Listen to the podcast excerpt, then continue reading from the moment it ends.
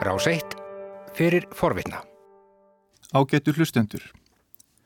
Bókmyndaverlun Nobels hafa verið ríkur þáttur í sjálfsmynd okkar sem þjóðar, allt frá því að Haldóri Lagsnes slottnöðst þau árið 1955.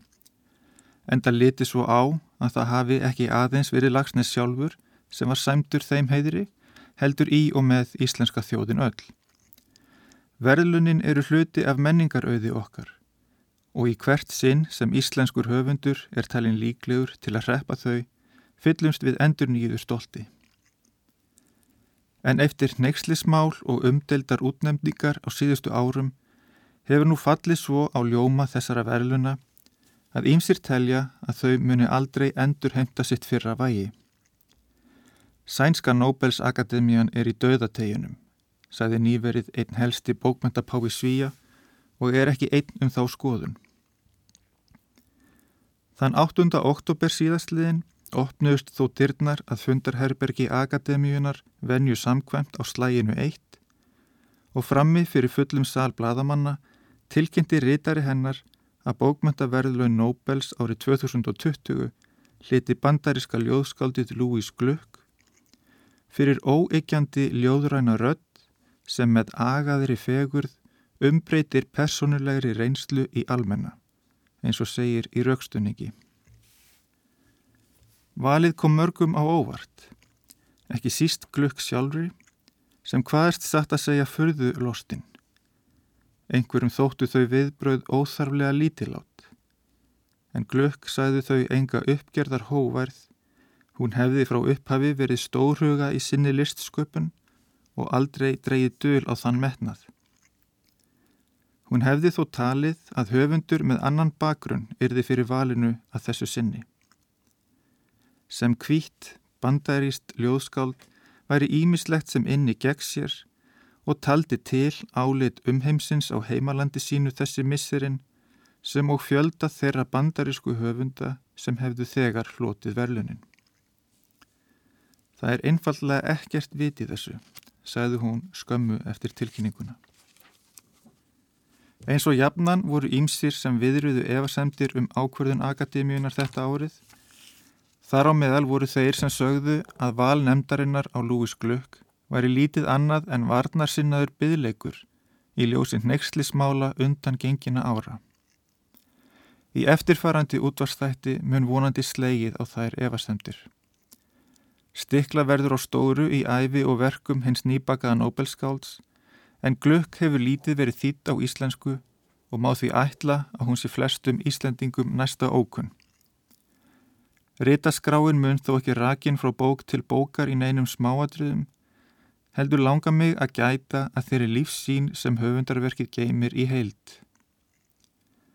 Á laungum ferli hefur sérstaða glögg sem höfundar aukist í setni tíð, en það er ímislegt í ljóðlist hennar á skjön við ríkjandi tíðarenda. Má ekki síst nefna hinn svokulluðu menningarstríð sem nú geisa í bandaríkunum og setja marksitt á alla bókmyndaumræðu þar sem viðar. Með því að skoða hvernig verkglökk tala inn í þau átök vonast ég til að varpa nokkru ljósi á afstuði hennar til ljóðlistarinnar sem slíkrar. Þessa bókmyndaforms sem er alltaf sagt á dánarbeðinum en ljóðlistin væri laungu döið ef hún gæti yfir höfuð dáið, líkt og skáldið Hannes Pétursson bendi eitt sinn á. Sé lírík í mannlegu eðli sem er ómissandi og verður ekki drepin og því þarflaust að hafa áhugjur af endalókum hennar. Í þættinum munu verk Lúis Glögg skoðuð út frá þeirri sannfaringu Hannesar og fleiri að ljóðlistin sé almenn og eilíf. En fyrst og fremst mun skálskap hennar beitt sem linsu á það sem stundum er kallað hið mannlega ástand og nær í eftirfarandi ljóði, jamt sem í lífinu sjálfu, allt frá betru hlutskipti aflóa skeppnu til gleðinar og undursins sem okkur gerst færi á að skinja í nærveru þessarar jarðar. Óttusöngur Ekki bara sólinn heldur sjálf jörðin skín. Hvítir logar hlaupa fram af tindum glískjarnara fjalla og í morgun skímunni titrar tíbrá yfir sléttum vegi. Er þetta bara fyrir okkur til að vekja viðbröð eða hreyfir það líka við þér? Ófærum að láta eins og ekkert sé í nærveru jarðar. Ég skammast mín fyrir það sem ég held að þú værir. Fjarrri okkur og við tilraunadýr þín. Það er biturt hlutskipti að vera aflóa skeppna. Biturt hlutskipti. Kæri vinur, kæri uppnumdi förunautur, hvað kemur þér mest á óvart í skinnjum þinni? Bjarmi jarðar eða þín eigin gleði? Fyrir mig er það alltaf gleðin sem undrar.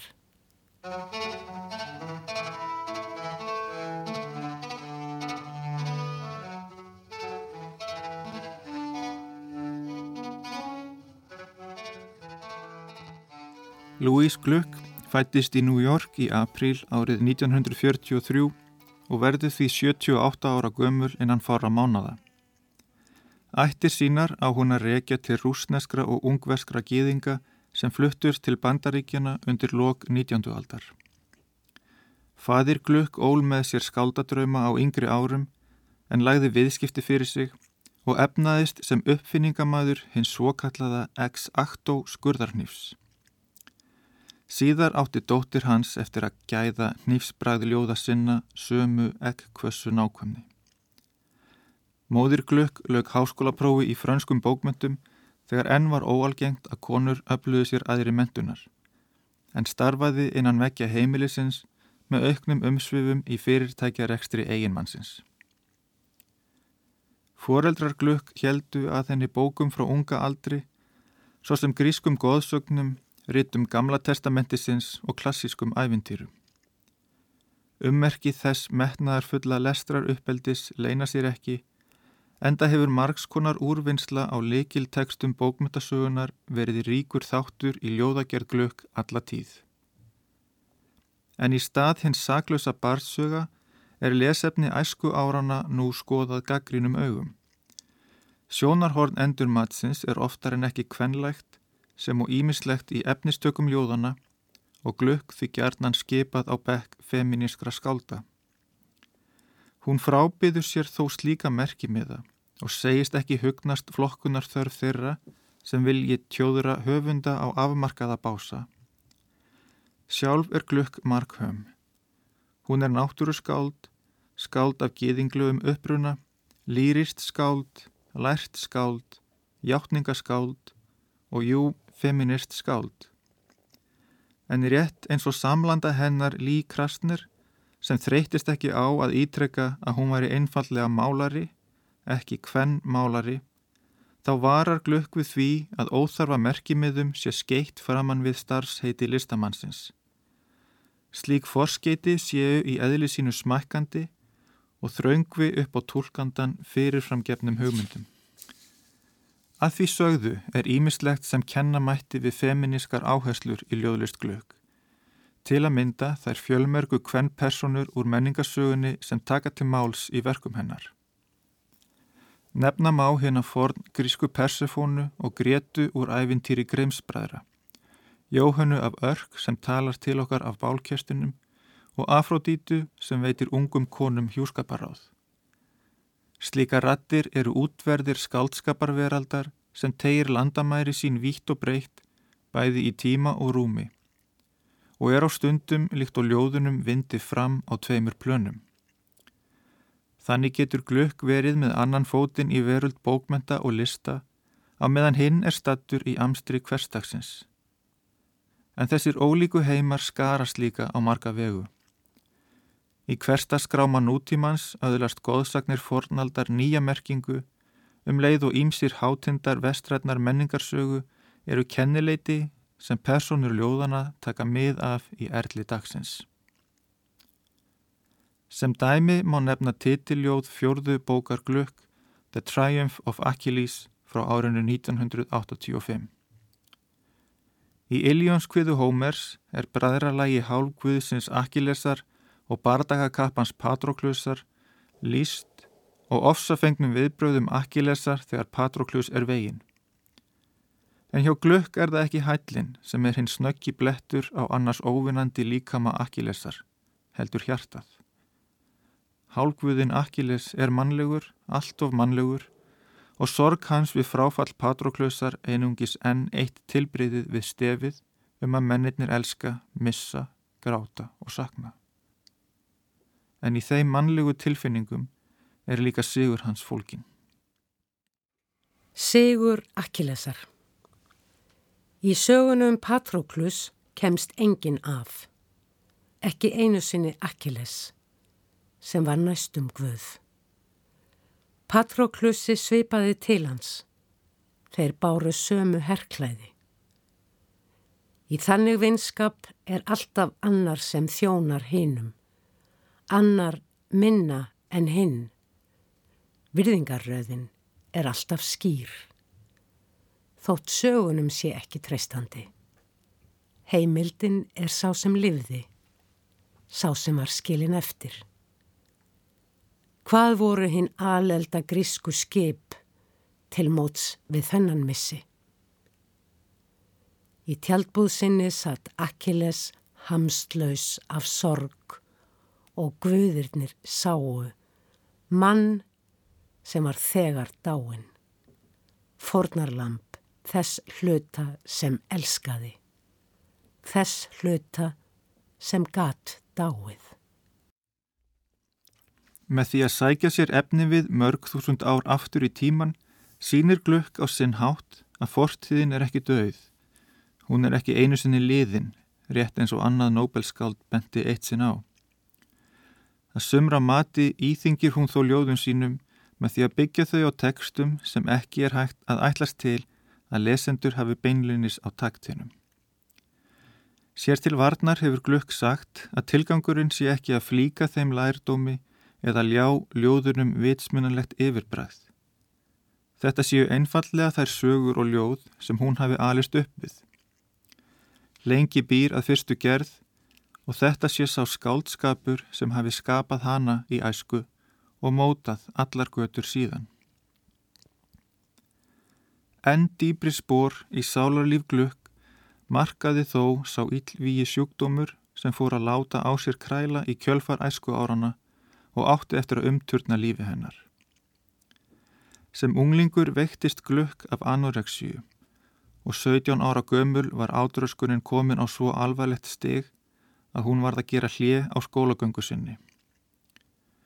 Hóf hún sálfræði meðferð í kjölfarið, svo kallaða sálgreiningu og fóru nú í hönd sjö laung ár sem voru nær alfarið undirlögð baráttunni við þá óhugnanlegu sjálfsveiðingar kvöt sem anoreksíu sjúklingar glíma við. Með herkjum tókst henni að ljúka miðskóla árið 1961. En áráttu hegðunin og vanlíðanin sem fyldi listarstólinu þýttu að allir draumar um framhalsmyndun voru út úr myndinni. Glögg laug því aldrei háskólaprófi. Hún hefur þó líst því hvernig sálgreiningin varð henni í raun ígildi þeirrar aðri mentunar sem hún neytist til að gefa upp á bátinn. Sálgreining er samtalsmeðferð sem krest nær daglegara viðtalstíma og varir jafnan árum saman. Ímislegt í tíðarandanum kallar á skjótari lausnir og aðferðinni því sjaldan beitt sem meðferðar úrræði í dag. Allt frá dögum Freuds hefur hún þó notið ákveðina vinsalda með að listamanna, en það er aðferð sálgarinnandans og listamannsins frá vissu sjónarhorni keimlík. Á sama hátt og listamadurinn særir fram eigin drauga í ljóðum og myndum, dregur sálgarinnandi niðurbældar kendir upp á yfirborðið svo hægt sé að umbreyta óhugnaðinum sem hefur grafið um sig djúft í hugarfylsnum sjúklingsins.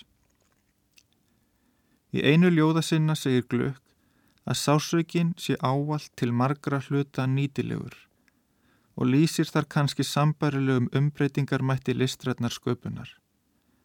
Þeir í dýrmætu gullgerðar list sem getur smíðað skilning úr kvöl. Á öðrum stað talar hún um að með verkværum sálgreiningarinnar hafi henni smám saman tekist að umbreyta lamandi sjálfsefa sínum í sjálfs skilning. En skilningurinn kostar sitt og umbreytingin getur tekið sinn tíma. Enda liðu mörg ár þar til glögg var und að færa veikindi unglingsárana í skálskaparbúning.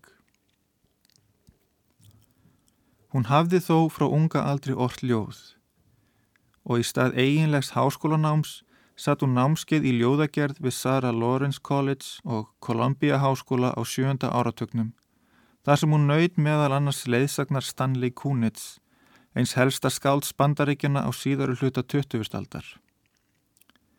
Hann þrælaði okkur út og var spar á hrósið, lísti hún kjensluháttur um síðar meir. En miskunnarleysið, fullkomnunarkrafan og svo þrótlus að vinna sem skálskaparlistin krafðist var henni kvartning fremur en tilefni til uppgjafar. Undir handleyslu Kunitz segist hún hafa orðið eins konar ástarþræll ljólistarinnar á þessum árum og uppgötað ósveikna gleði í því hlutskipti. Uppskeran var ljóðabókin Firstborn sem kom út árið 1968.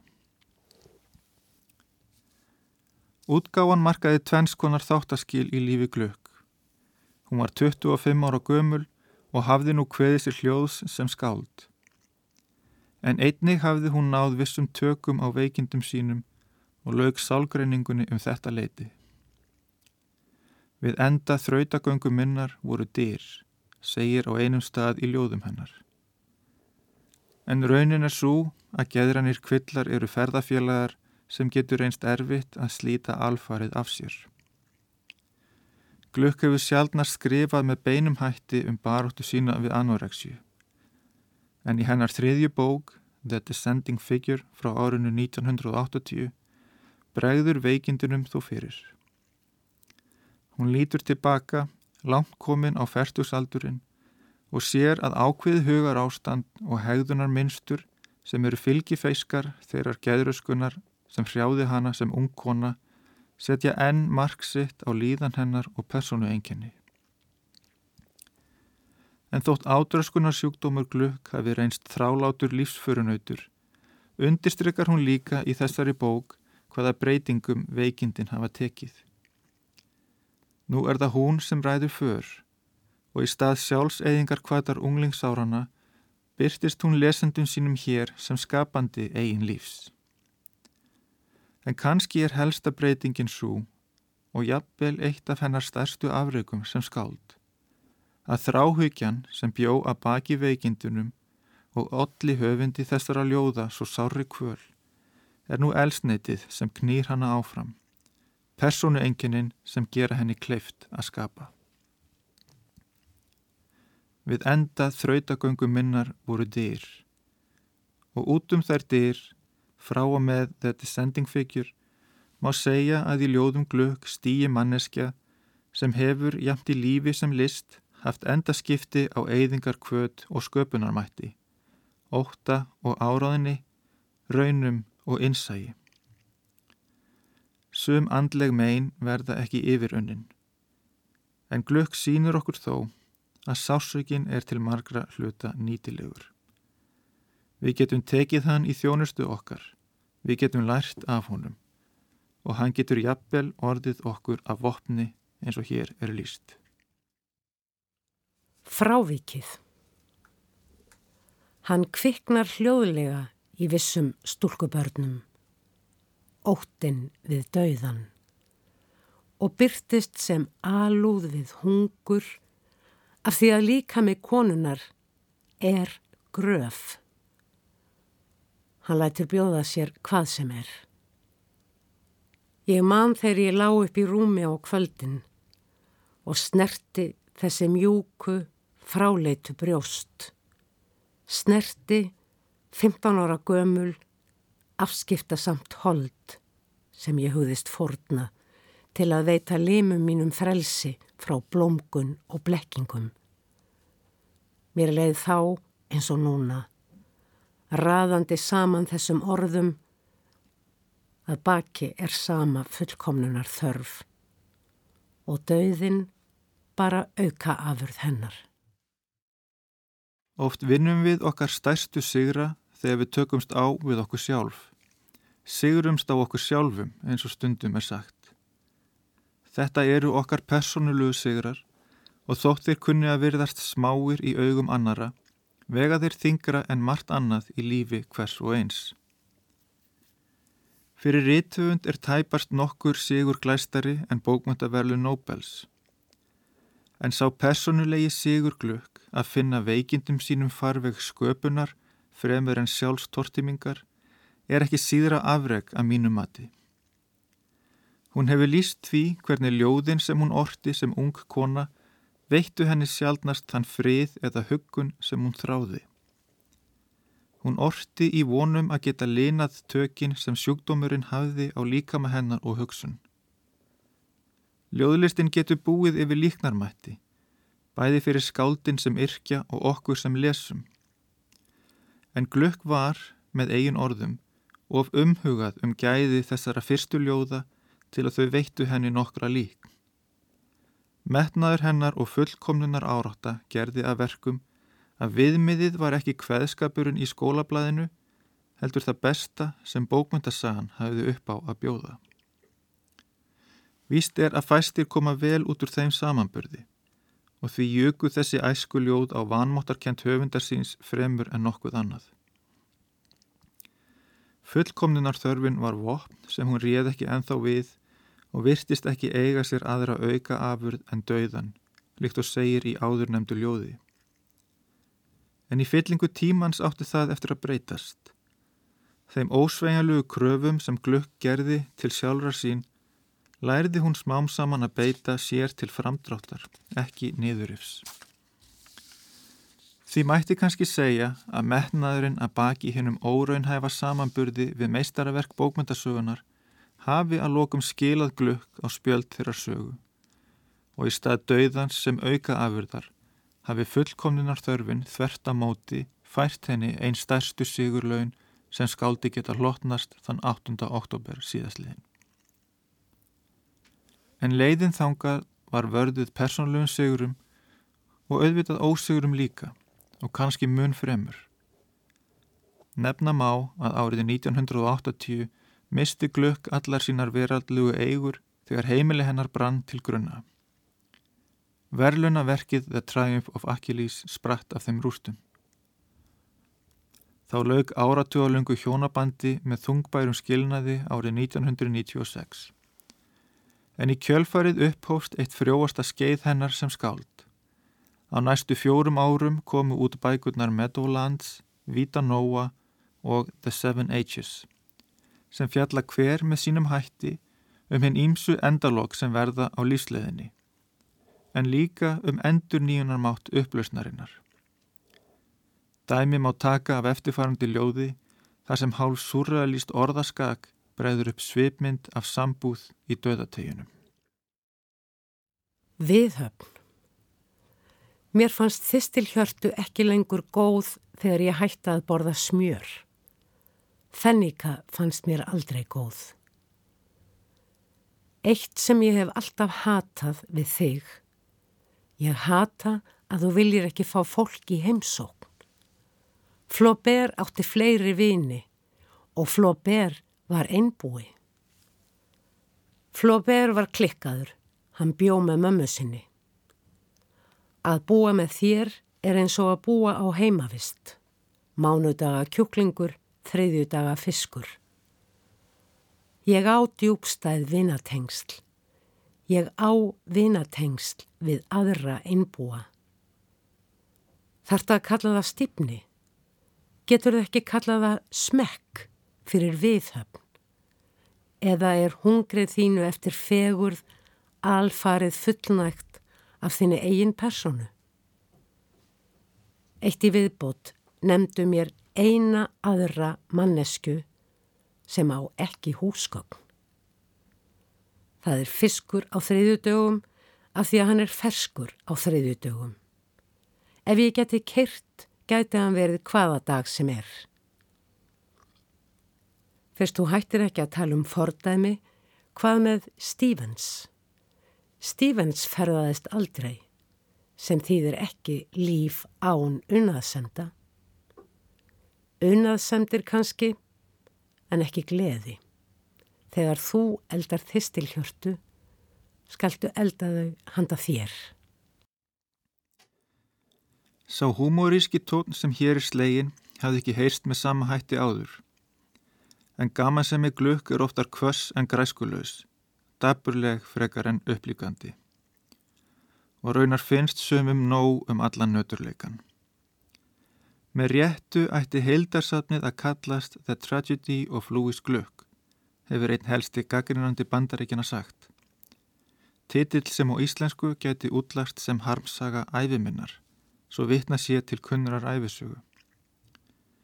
En ólít höfundi þeirrar bókar, sem ásakaði verölduna um grimd, er það glögg sjálf sem stundum hefur verið gaggrind fyrir miskunarleysi. Þannig þóttu mörgum kaldlindi eftirfarandi ljóðs bera með sér lítið annað en hatur höfundar á börnum. Hlustendur dæmi hver fyrir sig. Börnin sem druknuðu. Þau skortir domgrind, svo það er eðlilegt að þau skildu drukna. Fyrst er það ísin sem opnar faðminn og síðan öllartreflarnir sem fljóta, vetrar langt út frá sökkvandi skuggum uns að lokum þau þagna og tjörnin liftir þeim upp á sínum margföldu myrku örmum. En dauðin hlýtur að koma öðruvísi yfir þau, svo nálagt upphafinu, eins og þau hefðu verið blind og þingdarlaus frá byrjun.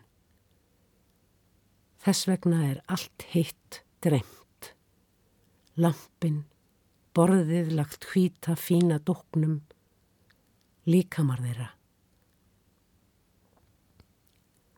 Og samt heyraðu nöfnin sem þau notuðu smjúa eins og agn um vaskorpuna. Eftir hverju eru þau að býða?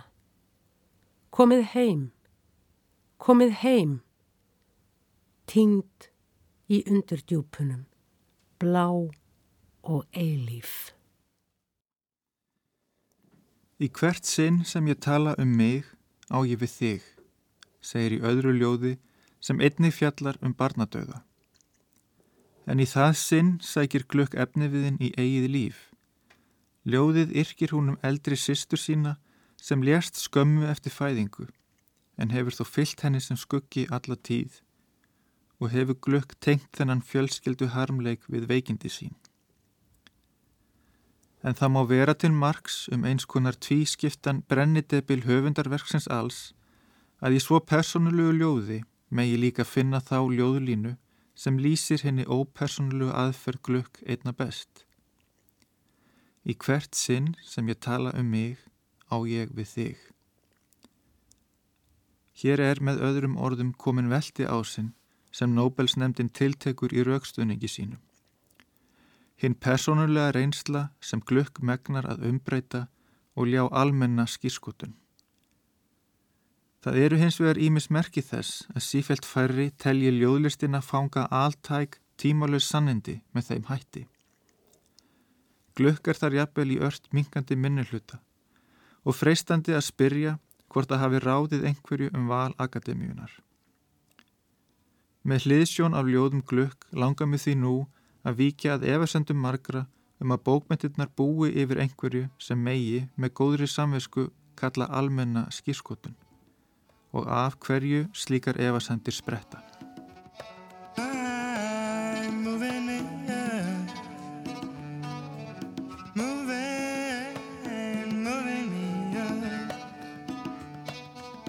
Every step is moving me but each step is moving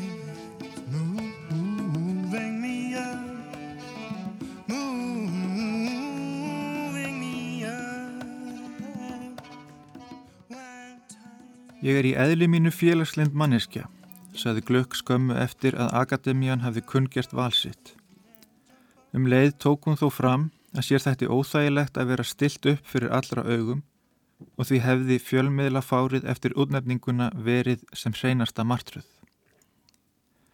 En Glögg hefur mátt venjast því að vera skindilega miðdebill aðtiklinar.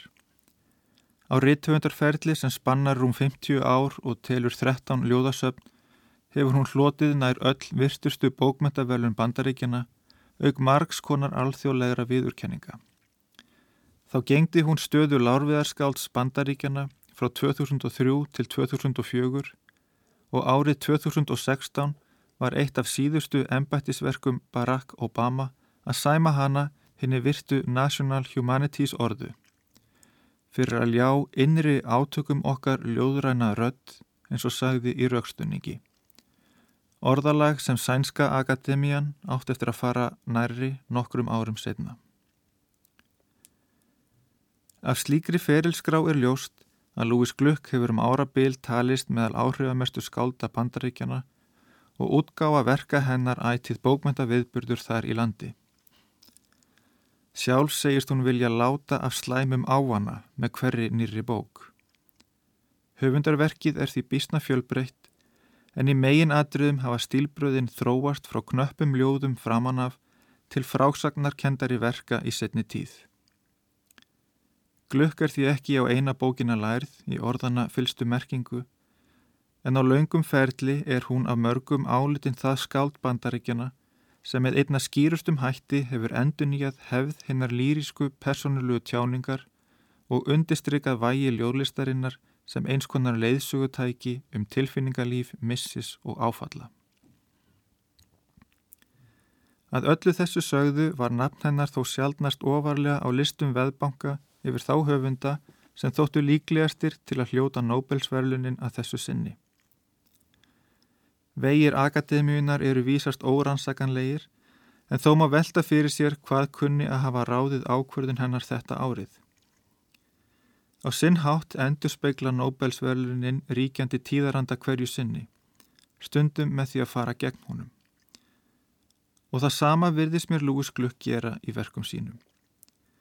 Eða kannski mætti fremur segja að áherslur, yrkisefni og viðhorf í enskumælandi ljóðagerð hafi fæst svo hratt frá efnistökum hennar sjálfrar í setni tíð að hún standi nú að mestu utangars við þá þróun.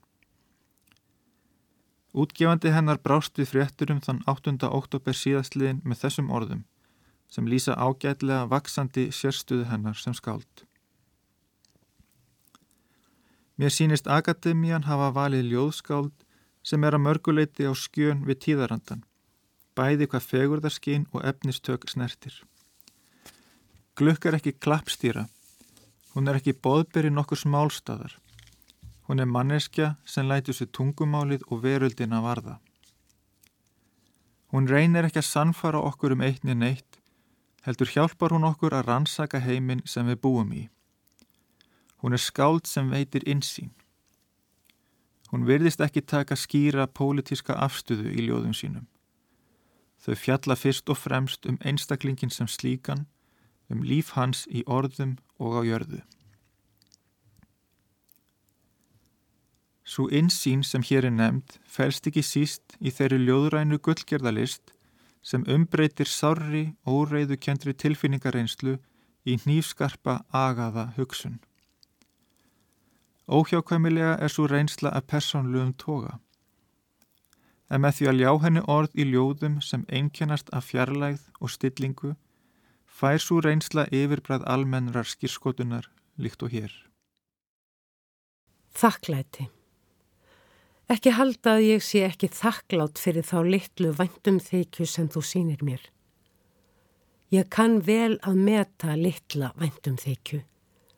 Satt að segja tek ég hana fram yfir þá fyrirferðar meiri sem hefur sífældar gætur á manni eins og risavaksið dýr á gólteppinu þar til lífmanns er skroppið saman í ekkert nema vakna dag eftir dag uppið vegg og sólargeislarnir falla skærir á skögult hennur þess.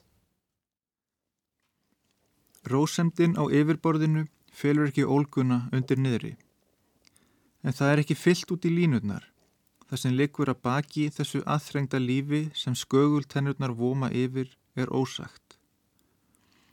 Glökk hveðströynar hafa dálæti á þögnum, vel völdum mælskum þögnum og rúma þær gerðnan anstæðupörin sem engjana skálskaparheim hennar. Nánd og fjarlægð, íhyggli og óróleika ögun og upplausn.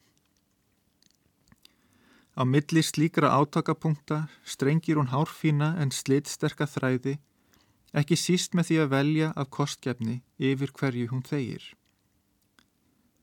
Það er því kannski einmitt í þögninni sem ljóðin mæla sínum óyggjandi rómi og verða þeir málsvarar almennra reynslu sem Nobelsnemdin vísar til. En almenn reynsla er yfirgripsmikið orðalag og skýrskotuninn eftir því óljós. Allt frá dögum Aristotelesar og bókar hans um skaldskaparlistina hefur ljóðlistin verið sögð fást við hitt almenna fremur enn hitt einstaka og því öðru fremur í ljóðum sem kjarna mannlegar tilveru sé að finna festan í orð. En spyrja má hvort hægt sé að tala svo afdróttarlaust um almenna reynslu sem akademían gerir. Er upplifun okkar af jarðvistinni í meginadruðum söm, þvert á ólíka menningarheima og tímaskeið? Og skýri það hvers vegna ljóð sem voru orrt fyrir þúsundum ára tala til okkar enn í dag, hvort sem um er að ræða bókina döðu með sína 3500 ára forn eikisku teksta um handanlífið, ljóðaljóð biblíunar eða ástarljóð hins rómerska katulusar. Ímsumunu segja að langlífi slíkra teksta ráðist einmitt af þeirri lírík í mannlegu eðli sem er ómissandi og verður ekki drepin með fyrrnemdum orðum Hannesar Péturssonar og svo lírík gerir sér ekki mannamun. Hanna megi hvarvetna finna hverjar sem lífs aðstæðunar séu og tjá með algildum hætti. Það sem ég tel víst skalt þú telja víst, því sverk hver öreind í mér tilheyrir einnig þér, líkt og eitt sinn var orrt.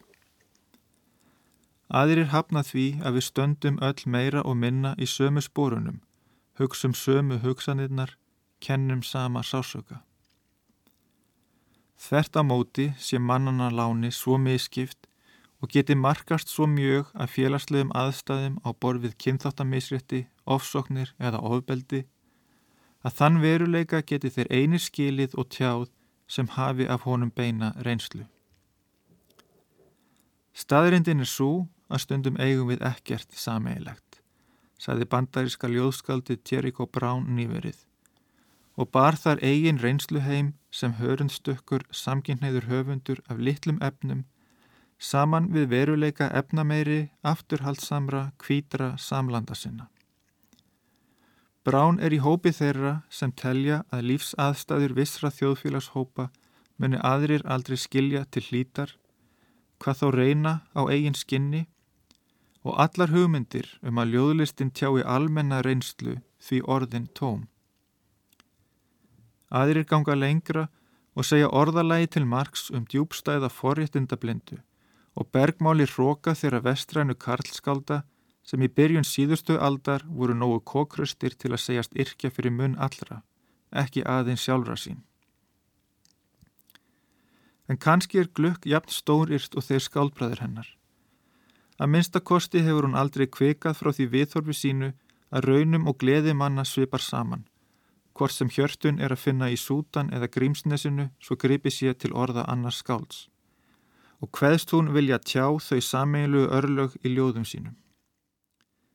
En í þverklopnu samfélagi stríðandi fylkinga sem eiga að eiginsögn ekkert sameigilegt er slík skáldskapar sín að margra mati ábyrðarlaus tímaskekkja. Í bandarísku samhengi er stundum talað um svonemt menningarstríð í þessum efnum. Svo baróta var lengst af hugmyndafræðileg en hefur stegmagnast með kjöru Donald Trump og beinriðnis tekið á sem mynd vopnaðara átaka á köplum. Og á slíkum upplausnar tímum hafa ímsir sett spurningamerki við höfunda á borði Lúis Glögg sem enn ganga út frá hennu samanlega í verkum sínum og láta vera að taka skýra pólitiska afstöðu. Í ljósi miskiptingar, ofbeldis og annara samfélagsmeina sé ótækt að álita að við fetum í megin atriðum sama lífsveg Þvert á móti séu allar hugmyndir um mannlega reynslu sem almenna, sameinlega og ótvíraða, líkt og sútan og grímsnesið megi leggja að jöfnu, ekki til margs um annað en áður nefnda forréttindablindu þeirra sem hafi aldrei þurft að skegnast inn í skuggsælustu horn veraldarinnar. Glögg segist líta svo á að listsköpun eigi ekki að gegna samfélagsluðu þjónustu hlutverki og fer þar nærri slagorðinu um að listin sé listarinnar sjálfrar vegna. Hún horfir þó ekki fram hjá veruleika þeirra sem búa við samfélagslega mismunum, heldur bendir ítrekað á annars konar vald, annars konar hróttaskap sem fer ekki manngreinar álit og verður ekki umflúin. Svo ógn er þó sjálfnast nefnd á nafn, heldur aðeins gefin í skinn og jafnvel sveipuð náttúrufegurð líkt og hér. Vorsnjór Virtu nætur heiminin fyrir þér. Ég á mér tvö sjálf, bý yfir tvennskonar valdi. Ég er hjá þér, hérna við gluggan og fylgist með viðbröðum þínum. Í gær reist tunglið yfir rakri mold í græðireitnum. Núna glitrar moldin eins og tunglið eins og lífvana efni hemað ljósi. Þú mátt loka augunum núna. Ég hef heyrt grátt þinn og annara á undan þér og kröfunaði baki. Ég hef syngt þér hvað þú vilt, ekki trú, heldur uppgjöf fyrir yfirvaldi sem reyður sig á grimd. Um svipaða grimd sagði annað Nobelskáld. Við erum stött á jörðinni og við því er engin lækning. En þótt ímislegt í æfi glökk hafi ekki verið neitt dans á rósum, lætur hún ógert að vísa með beinum hætti til einstakara voðaatbyrða úr eigin lífi eða tiltekina áfalla. Trúnaðar samtal sitt og lesandans byggir hún fremur á því sem slíkar þrautir hafa kent henni. Ljóð hennar gerast eftir á Þau koma í kjölfar sárar tilfinningareynslu og miðla því sem neytar að brotna innra með okkur, en ekki síður því sem fæðist. Þeirri dýrmætu sjálfstekkingu sem við kunnum að öðulast eftir að hafa beðið andlegt skipbrott. Og þótt slíkur sálarþroski sé dýruverdi keiftur, bendir glukk á að hann er um leið forsenda þess að við gróum sára okkar. Þessi lífsín er bóðuð með einna skýrustum hætti í verlunaverkinu The Wild Iris frá árinu 1992. Bók sem margir telja hátindin á skaldferli Louis Gluck og er eins konar personuleg endursögn á góðsögninu um aldingarðin Eden.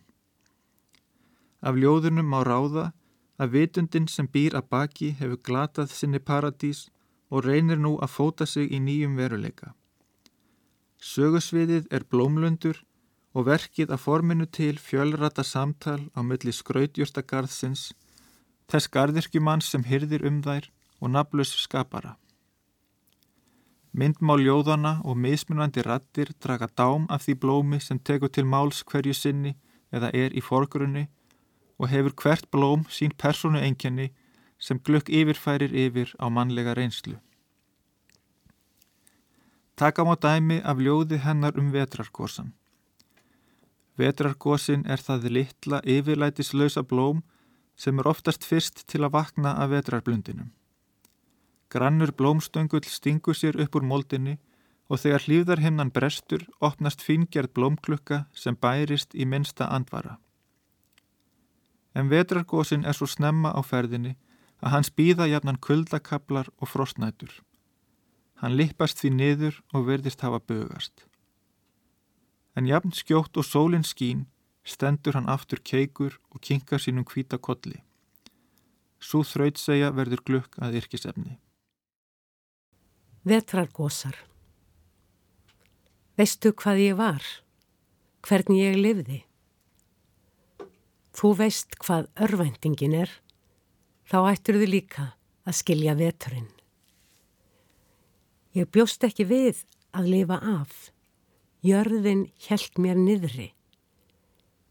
Ég bjóst ekki við að vakna á ný, að finna í rakri jörð líkama minn, skinja á ný, muna enn, svo löngu síðar, hvernig blöðin opnast á ný í napuri byrtu, snemma vors.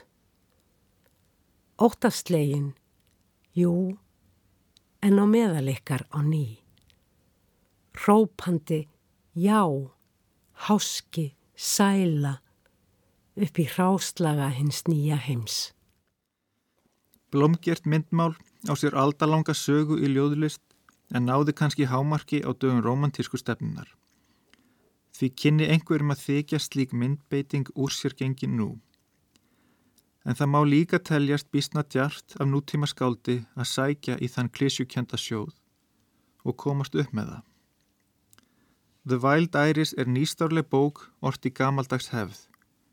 Ljóðin búa yfir personulegri nánd þrátt fyrir fjarlægð höfundar sem lætur aðra að tala fyrir sig. Okkur er hleyft inn að kviku ólgandi tilfinningarlífs en það er sjálfnast hægt að festa hendur á manneskunni að baki.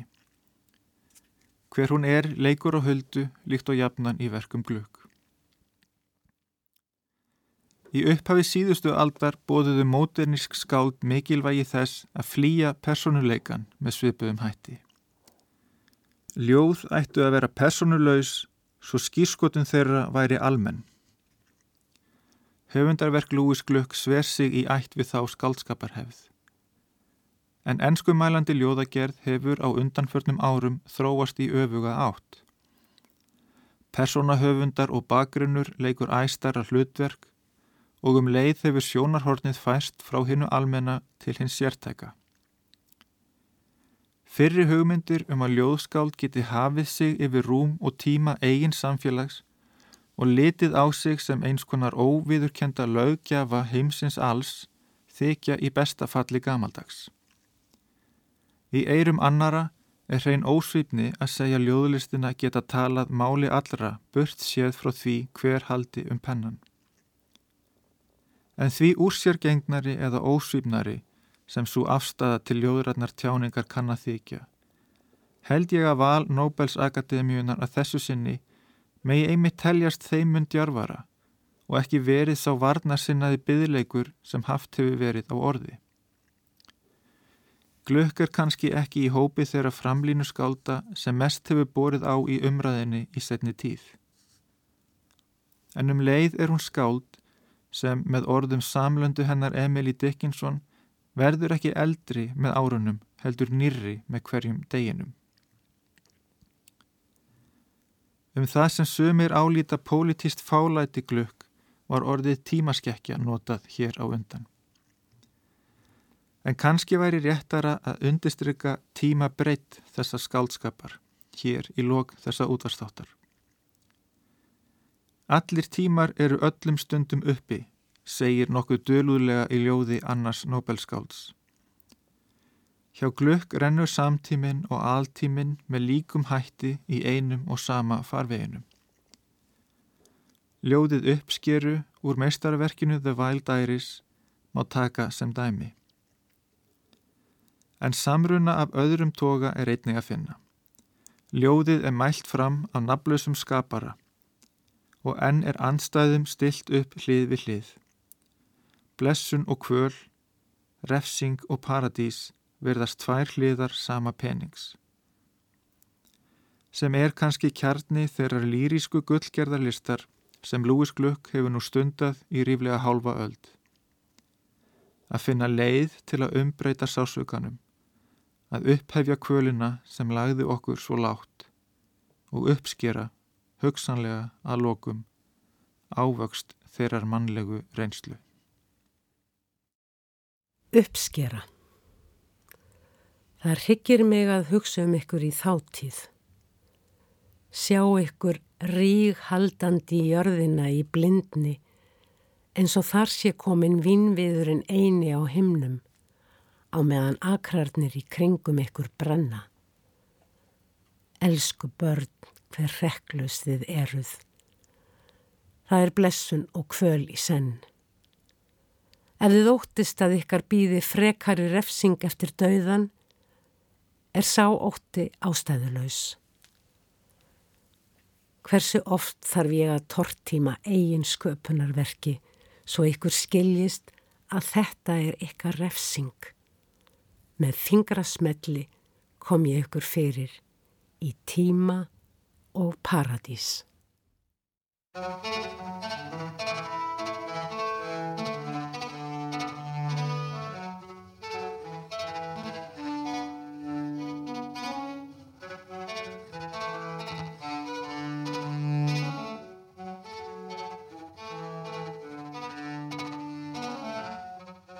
Step is moving, it's moving me up.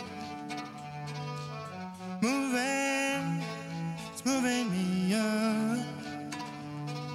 Every step is moving me up.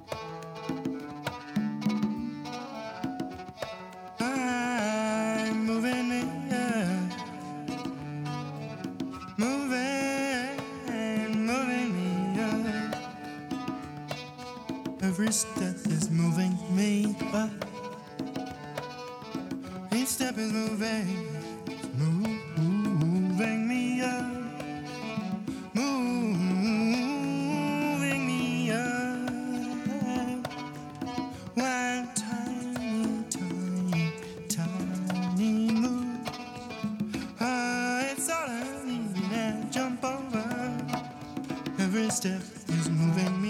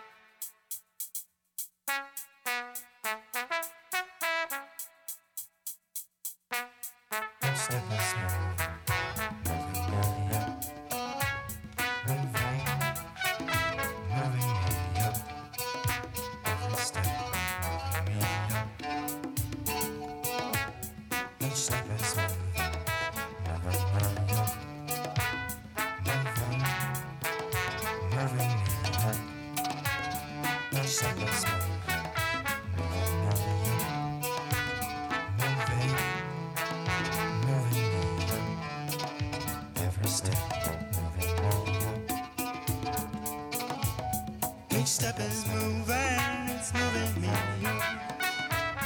Moving, it's moving me up. Every step